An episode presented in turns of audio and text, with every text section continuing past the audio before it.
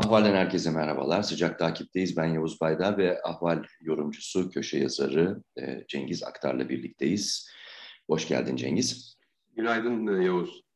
Şimdi e, Türkiye Tribünali, Türkiye Tribünal Mahkemesi'ne konuşacağız. Dün öğleden sonra geç saatlerde 6 kişiden, 6 yargıçtan oluşan mahkeme hükmü açıkladı, hüküm diyelim buna. Yargılanan tabii e, Türkiye'de belli çevrelerin yansıtmaya çalıştığı gibi Türkiye değil. Türkiye'yi yöneten hükümet, Türkiye'yi yöneten yapı. Yani Erdoğan hükümeti veyahut daha geniş bir tabirle Erdoğan-Bahçeli yönetimi e, yargılandı burada e, Türkiye tribünalinde. E, 4-5 gün süren bir süreç bu. Ben de ilk 2-3 gününde e, oradaydım, e, izledim e, tanıklıkların önemli bir kısmını. E, gelen uzmanlarla konuştum, katılanlar oldu uluslararası e, camiadan. Mesela Avrupa Parlamentosu'nun Sosyalist Blok'tan e, Belçika Avrupa Parlamenteri ve İnsan Hakları Komitesi Başkanı Marie Arena da oraya geldi. E, ve başka gözlemciler de vardı tabii. Şimdi tribünal e, aslında demin söylediğim altı yargıçtan oluşuyor. E, kabaca neleri e, öne çıkarttılar? Aslında temel e, konular ve tanıklıkların dinlendiği alanlar şunlar da işkence, kaçırmalar ve zorla kaybetmeler, e, cezasızlık, impunite, e, yargıya erişim ya da adalete erişim ve e, basın ve ifade özgürlüğü ve bütün bunların hepsinin bir içinde toplayan insanlığa karşı suçlar. Şimdi e, sana vermeden önce sözü neler üzerinde e, duruldu? E, önce istersen şey, bu tribünal nedir? Yani bu bir ilk oluşturuyor çünkü. Beklenmedik bir şekilde e, gündeme indi. Çoğu kişi de bunu bilmiyor. Aslında bir ilk oluşturuyor Türkiye Cumhuriyeti tarihinde. 12 Eylül askeri darbesi sonrasında dahi böyle bir şey yaşanmamıştı. Bu, bu nedir ve anlamı ne genel olarak baktığımızda? Yani devletlerin hukukuna karşı halkın hukuku e, diyebiliriz belki. E, eskiden böyle girişimler vardı. Üç tanesi çok önemli. Bir tanesi 1966-67'deki e, Bertrand Russell, Jean-Paul Sartre'ın e, ön ayak olduğu Uluslararası Savaş Suçları Mahkemesi bu Amerika Birleşik Devletleri'nin Vietnam'daki icraatlarıyla alakalıydı. Arkadan 2004'te bu Irak Dünya Mahkemesi Burada önemli bir nokta var. Bunu hep hatırlatmak lazım. Son celsesi İstanbul'da olmuştu 2005'te. Bak nereden nereye geldi Türkiye yani. Üçüncüsü de e, yine Bertrand Russell'ın e, Filistin Mahkemesi idi. E, o ne zamandı? 2009. 2009. Şimdi bu e, bu tip girişimler de daha iri ufak daha iri, ufak girişimler de var tabii nasıl oldu bu tip halk mahkemeleri ama en çok bilinenleri bu üçü. Yalnız bunların bunlarla bugün yani geçen yıl kurulan bu Türkiye Tribunal veya Türkiye Mahkemesi, Türkiye Halk Mahkemesi e, arasında çok önemli bir fark var e, kanaatimce. Bu e, adını ettiğim yani Vietnam, Irak e, ve Filistin meseleleri dünyaya mal olmuş meseleler. Yani uluslararası kamuoyuna, uluslararası camiaya mal olmuş meseleler. Ama Türkiye öyle değildi. Ya o anlamda Türkiye Tribunal çok önemli bir iş yaptı açıkçası. Ve e, Türkiye'de e, yıllardır olup bitenleri ve özellikle de bu kontrollü darbe sonrasında olup bitenleri faş etti. Ve ilk defa faş etti. E, bu, bu anlamda bunu bu e, tarihidir yani. E, ve e, e, Türkiye'deki basının oraya geleceğiz mi bilmiyorum ama geleceğiz. Israrla bunu e, görmezden gelmesi hakikaten içler acısıdır. Yani otosansürün e, geldiği noktayı anlamak açısından fevkalade önemli. Bir tek Can Ataklı e, T24'te yazdı. E, onun dışında hiçbir yerde herhangi bir şey çıkmadı. E, Euronews'da çıktı ama Euronews e, şey değil yani Türkiye mahreçli değil. E, artı gerçekte çıktı. O da Türkiye mahreçli değil. Medya e, Haber'de çıktı. E, ve ahvalde çıktı tabii. Başka nerede çıktı? Başka hiçbir yerde çıkmadı ben Bir de tabii biraz açık radyoda değinildi galiba buna değil mi? Açık radyoda değinildi. Tabii ben e, bahsettim. E, ve e, radyo yani her gün olmasa da daha ilk günden itibaren, pazartesiden itibaren baba, sözünü etti. Ama muhalif deni, kendisine muhalif diyen ve muhalif denilen e, portalların hiçbirinde maalesef bu yoktu. Yani haber olarak bile yoktu. İçerikten vazgeçtim, haber olarak bile yoktu. Tabii Türkiye'de yani başka muhalif, yurt dışından yayın yapan muhalif e, mecralarda vardı. Ama ilginçtir. Mesela Özgürüz Radyo diye bir e, girişim var Almanya'da. Orada da yoktu. Hmm. Ve ilginçtir. Yani evet. bunlar bunlar çok manidar şeyler. Yani bunların üzerine e, düşünmek gerekiyor. Kapattım ha. parantezi. Madem, ee, şey... madem bu parantezi açtın bunu konuşalım. E, ondan sonra diğer konulara geçelim. Gerçekten e, içler acısı denebilecek bir durum bu. Çünkü yani bir gazeteci olarak ben oraya gittiğimde, bir haberci, gazeteci, editör olarak oraya gittiğimde gidişimin sebebi belliydi. Bu bir haber değeri taşıyor. Bu bir ilk. Yani neresinden bakılırsa bakılsın, orası burası evet sorulması gereken sorular var. Nitekim onları sorduk. Yani bu nasıl finanse ediliyor? Bunun arka planında kimler var? girişimciler, başka güçler, başka kesimler var mı yok mu? Bütün bunların hepsinin sorularının cevabını araştırdık ve mümkün olduğu kadar elden gelen toplanan tüm verilerle yansıtmaya çalıştım. En azından biz ahval olarak yans. Ama e, dediğim gibi e, öyle büyük bir e, farklı sebepleri var tabii. Yani hala polarizasyon, kutuplaşma, şüphe, işte e, o kesim öyleyse o zaman biz bunu haber yapmayalım filanca varsa onu haber yapmıyor. Yani çarpık ve e, basın etiği ve ahlakına ve e, hafızasına yansımayan, e, hiç alakası olmayan e, çarpık bir değerlendirme biçimi hala hakim. Senin de vurguladığın gibi elbette ki iktidar yandaşı, iktidarın e, hoparlörü, borazanı olan kesim elbette bunu ya görmeyecek ya da tavırlı olarak görecek. Yani buna saldıracak. Nitekim öyle oldu. Ama diğer kesim yani alternatif e, muhalif medya diye adlandırılan kesim solda veyahut e, diğer muhalefet kesimlerinin e, parçası olarak e, gör, görülen e, basın ve medya görmedi bunu. Bu bir bunun bir sebebi bu. Yani şüphe. E, onlar varsa biz bunu haber yapmayalım. Onlar dedikleri de önemli bir olarak yani sol kesimin işte cemaat görüyorlar e, fakat dikkat edersen az önce andın Artı TV ve Medya Haber Kürt medyası onlar hatta canlı yayınladılar. Yani böyle bir fark da var burada. E, farklılıklar, ayrışmalar daha çok göze çarpıyor. İkincisi tabii bunu konuştuğumda birkaç kişiden e, korku iklimi var Türkiye'de tabii dedi. Yani yayınlamak isteseler bile işte orasına burasına bakıyorlar ve otosansür yapıyor muhalefet, muhalif medya, e, alternatif medya dedi. Bu belli ölçülerde anlaşılabilir bir şey. Tabii ki otosansür yaparsınız ama bunu bir haber değeri taşıyan, düpedüz haber değeri taşıyan bir gelişme olarak, düz bir haber olarak verebilirsiniz. Tabii Şimdi canım, kadar neler yaptı Türkiye'de yani e, yolsuzluklarla ilgili elbette ki yayın yapılıyor. E, bunu vurgulamış olalım. Bu hazin aslında ama maalesef Türkiye'nin durumu bu. Bir örnek vereyim. Basın ve ifade özgürlüğü bölümünde tanıklıklar dinlenirken ki bir tanesi e, Dicle Haber Ajansı'nın eski muhabiri e, çok evet. hapis yatmış Meltem Oktay. Diğeri de e, Cevheri Güven idi eski Nokta Dergisi e, genel yayın yönetmeni. E, o çerçevede e, bir örnek olarak da hem içeride hem dışarıda dile getirildi. Yani Türkiye'de basının hali o kadar hazin ki böylesi önemli ölçüde haber değeri taşıyan bir gelişmeyi bile yani tribünalin kendisini bile haber yapamıyor. Dolayısıyla yani kendi kendisini teyit eden bir bir durum her gün yaşanıyor şeklinde bu da yansıtıldı. Şimdi bunu geçelim istersen parantezi kapatalım. İki nokta burada yani Türkiye'nin muhalif basını bu konuda son derece e, zayıf bir e, sınav verdi.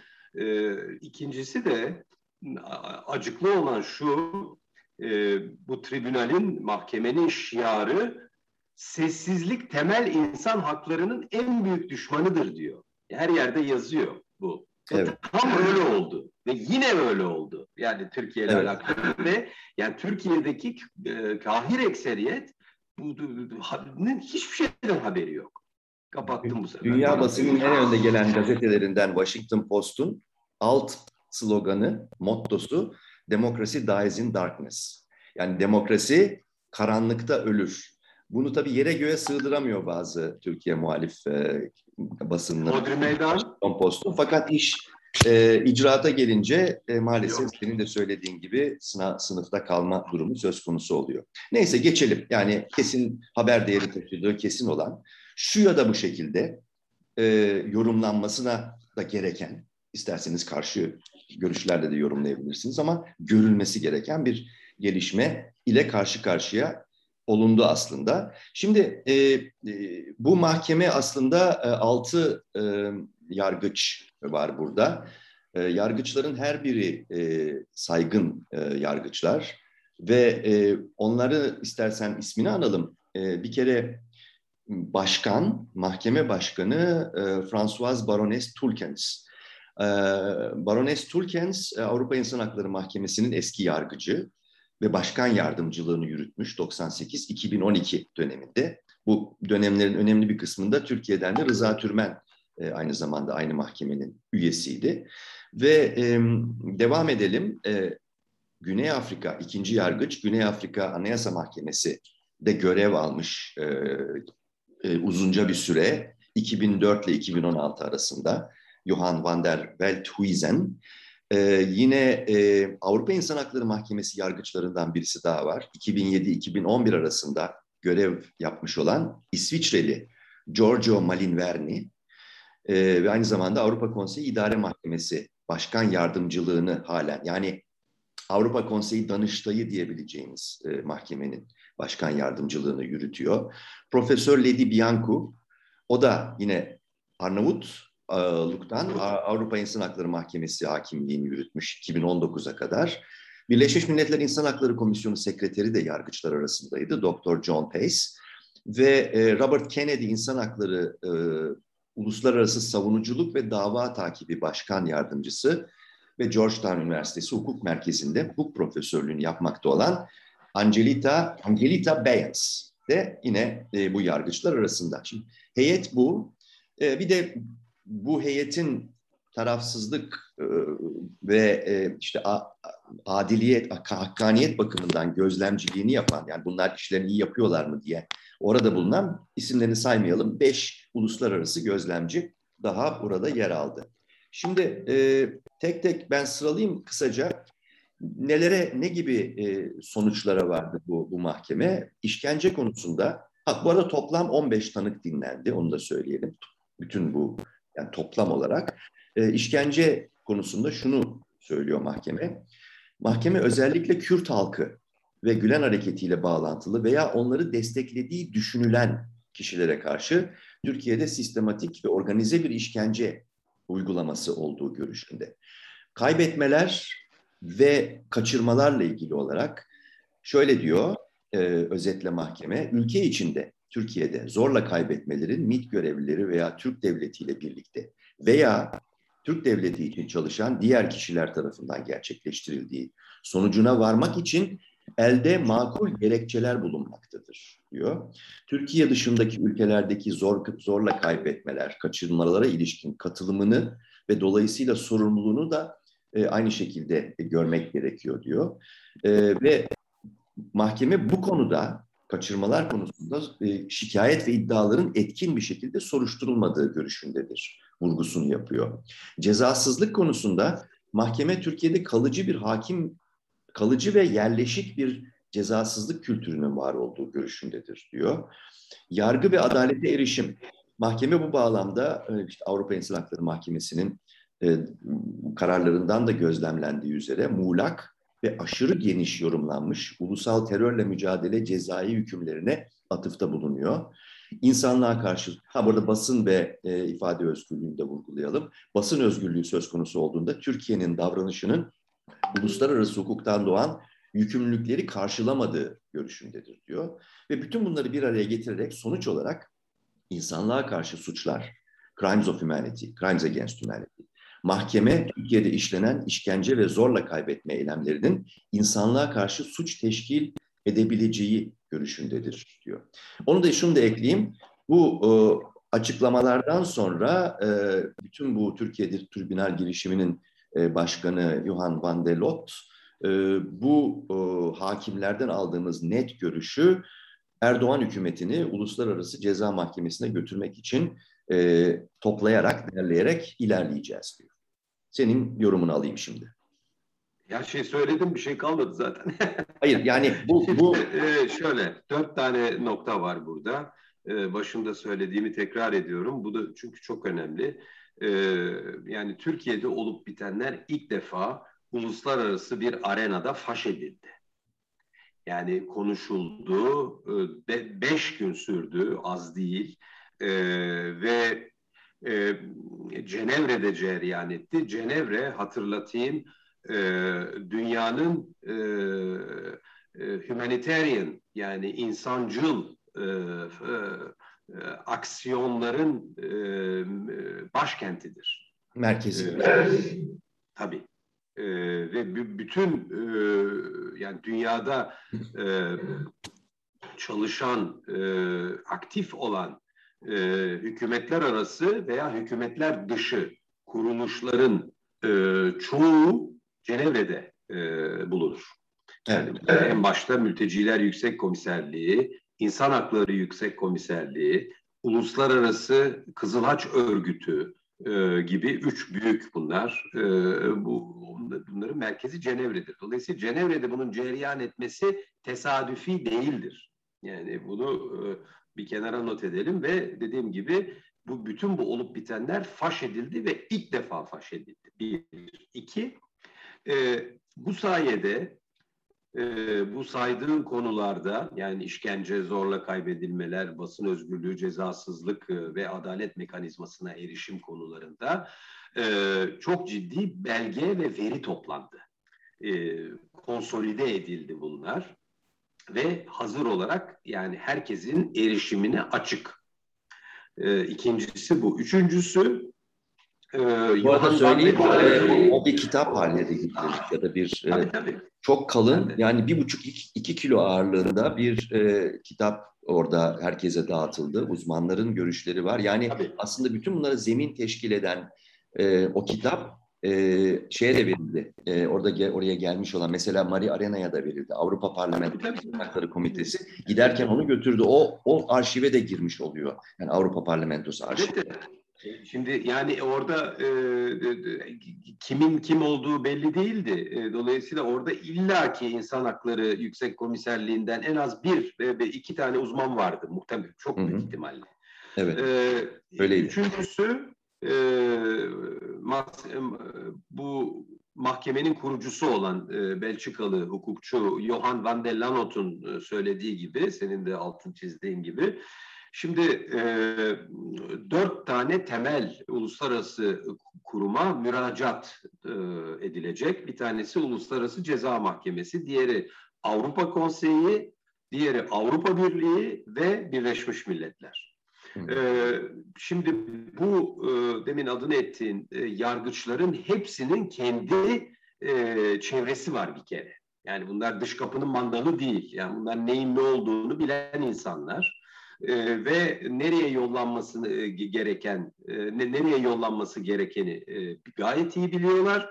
Ve Uluslararası Ceza Mahkemesi konusunda mesela bir ipucu verdi e, Van der Lanot ve e, e, mahkemenin tarafı olan ülkelere önce müracaat edeceğiz ki e, bu özellikle e, kaçırmalar ve e, zorla kaybedilmeler konusunda e, onlar taraf olabilsin diye. Yani devletler dava açacak e, Ankara'ya. E, böyle bir e, yol izlenecek. Nerede? Avrupa Konseyi'nde mi?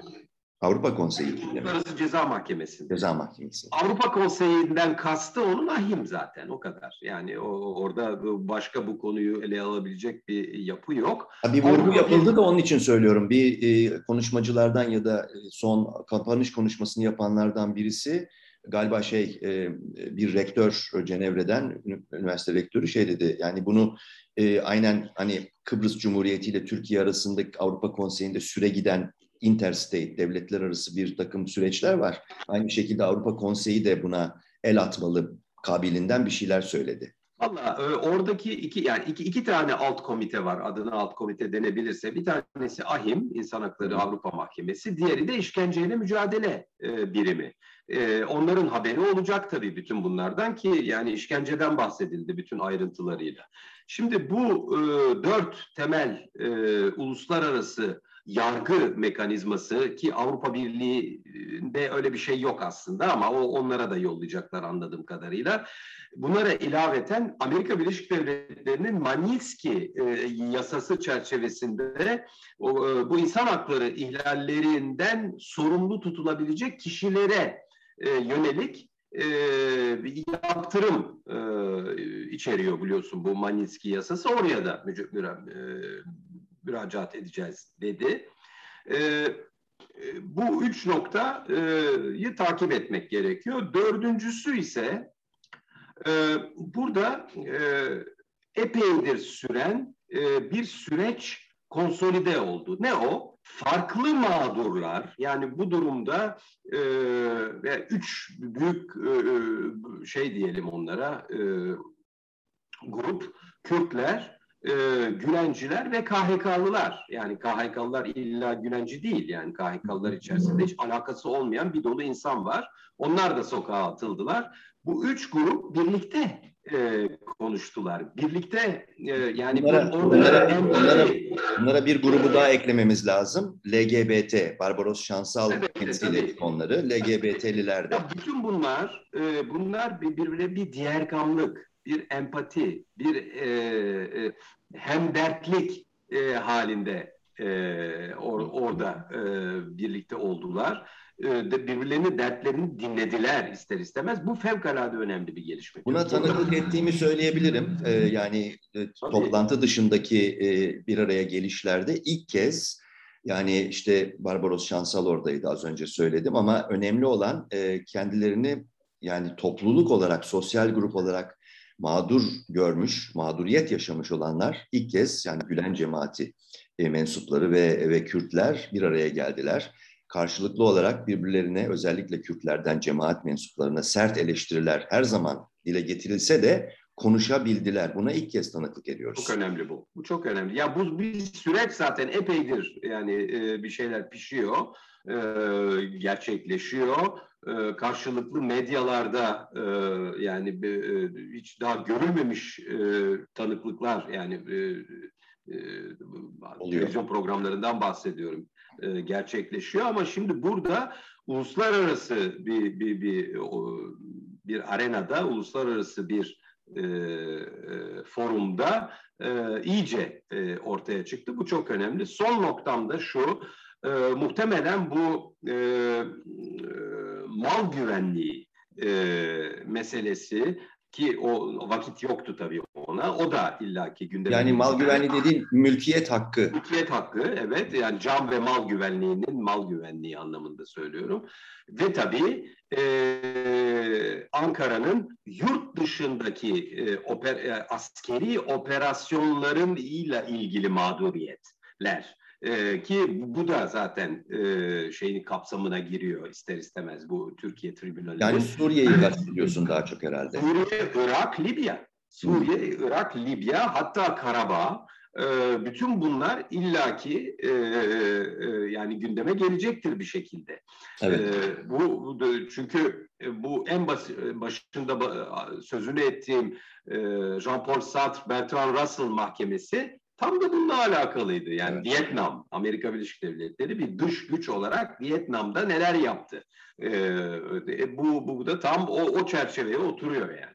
Evet, evet. Bu mülkiyet hakkı e, iki konu bunun dışında kaldı. E, gerçekten de mesela e, mal mülküne el konan sadece gazeteci yani meslek insanı gazeteci sayısı 48-49 yani 50'ye yakın mal mülküne el konan.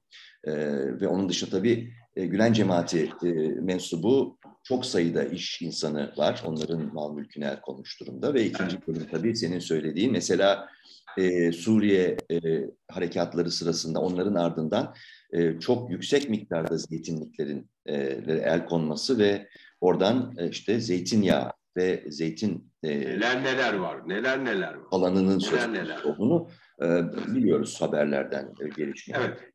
Peki e, so, son olarak şunu da vurgulayalım çünkü çok soru işareti var. Ben de o soru işaretiyle gitmiştim Cenevre'ye. Bunun parası nereden geliyor?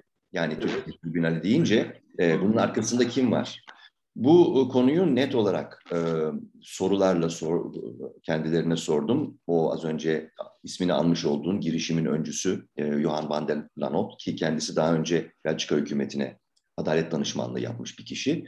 E, şunu söyledi, biz crowdsourcing yaptık. Yani açtık ve e, işte dışarıdan gelen katkılarla kim ne kadar para verebiliyorsa ve e, para gönderenlerin tabii güvenlik nedeniyle Türkiye'de hükümetin gazabına uğramamaları için e, kimliklerini saklıyoruz ama çok gerekirse bunları da açıklarız e, dediler. Ve öyle anlaşılıyor ki verdiği rakamlara göre şu ana kadar e, irili ufaklı katkılarla e, 110 bin euro civarında bir para toplanmış.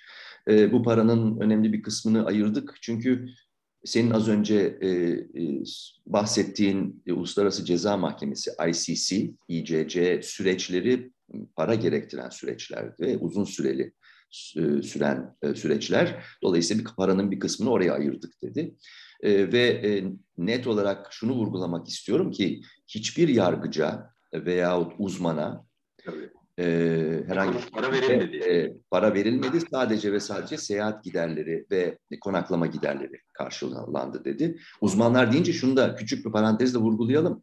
Yani e, uzun raporlar sunuldu burada. Sadece tanıklıklar söz konusu değildi.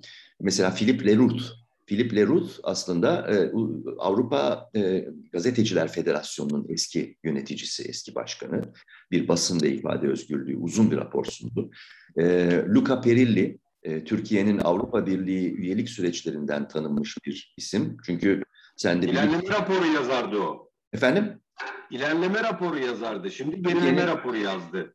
İlerleme raporlarını kaleme alan, e, çok önde gelen bir İtalyan hukukçu Caperilli. O birkaç kişi daha vardı yine kaçırmalarla ilgili vesaire ama böyle bir e, yani bir takım raporlar da söz konusu. Her neyse yani finansal boyutu e, konusunda e, soru işaretleri e, böyleydi ama aldığımız benim de yansıttığım haberlere yansıttığım cevaplar böyle. Yani orada e, dışarıdan katkılarla bireysel veyahut işte çeşitli kesimlerin bunların arasında elbette ki Kürt ve e, Gülen cemaati e, bağlantılı kişilerden gelen katkılar olabilir ama bu bir sivil girişim.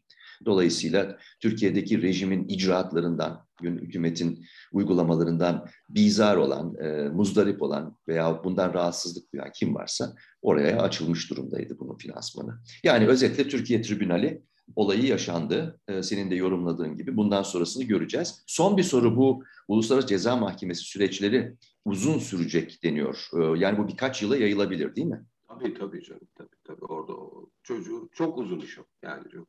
Yani burada ama önemli olan yani bir eşik aşıldı. Ee, bu bir milattır hakikaten önemli.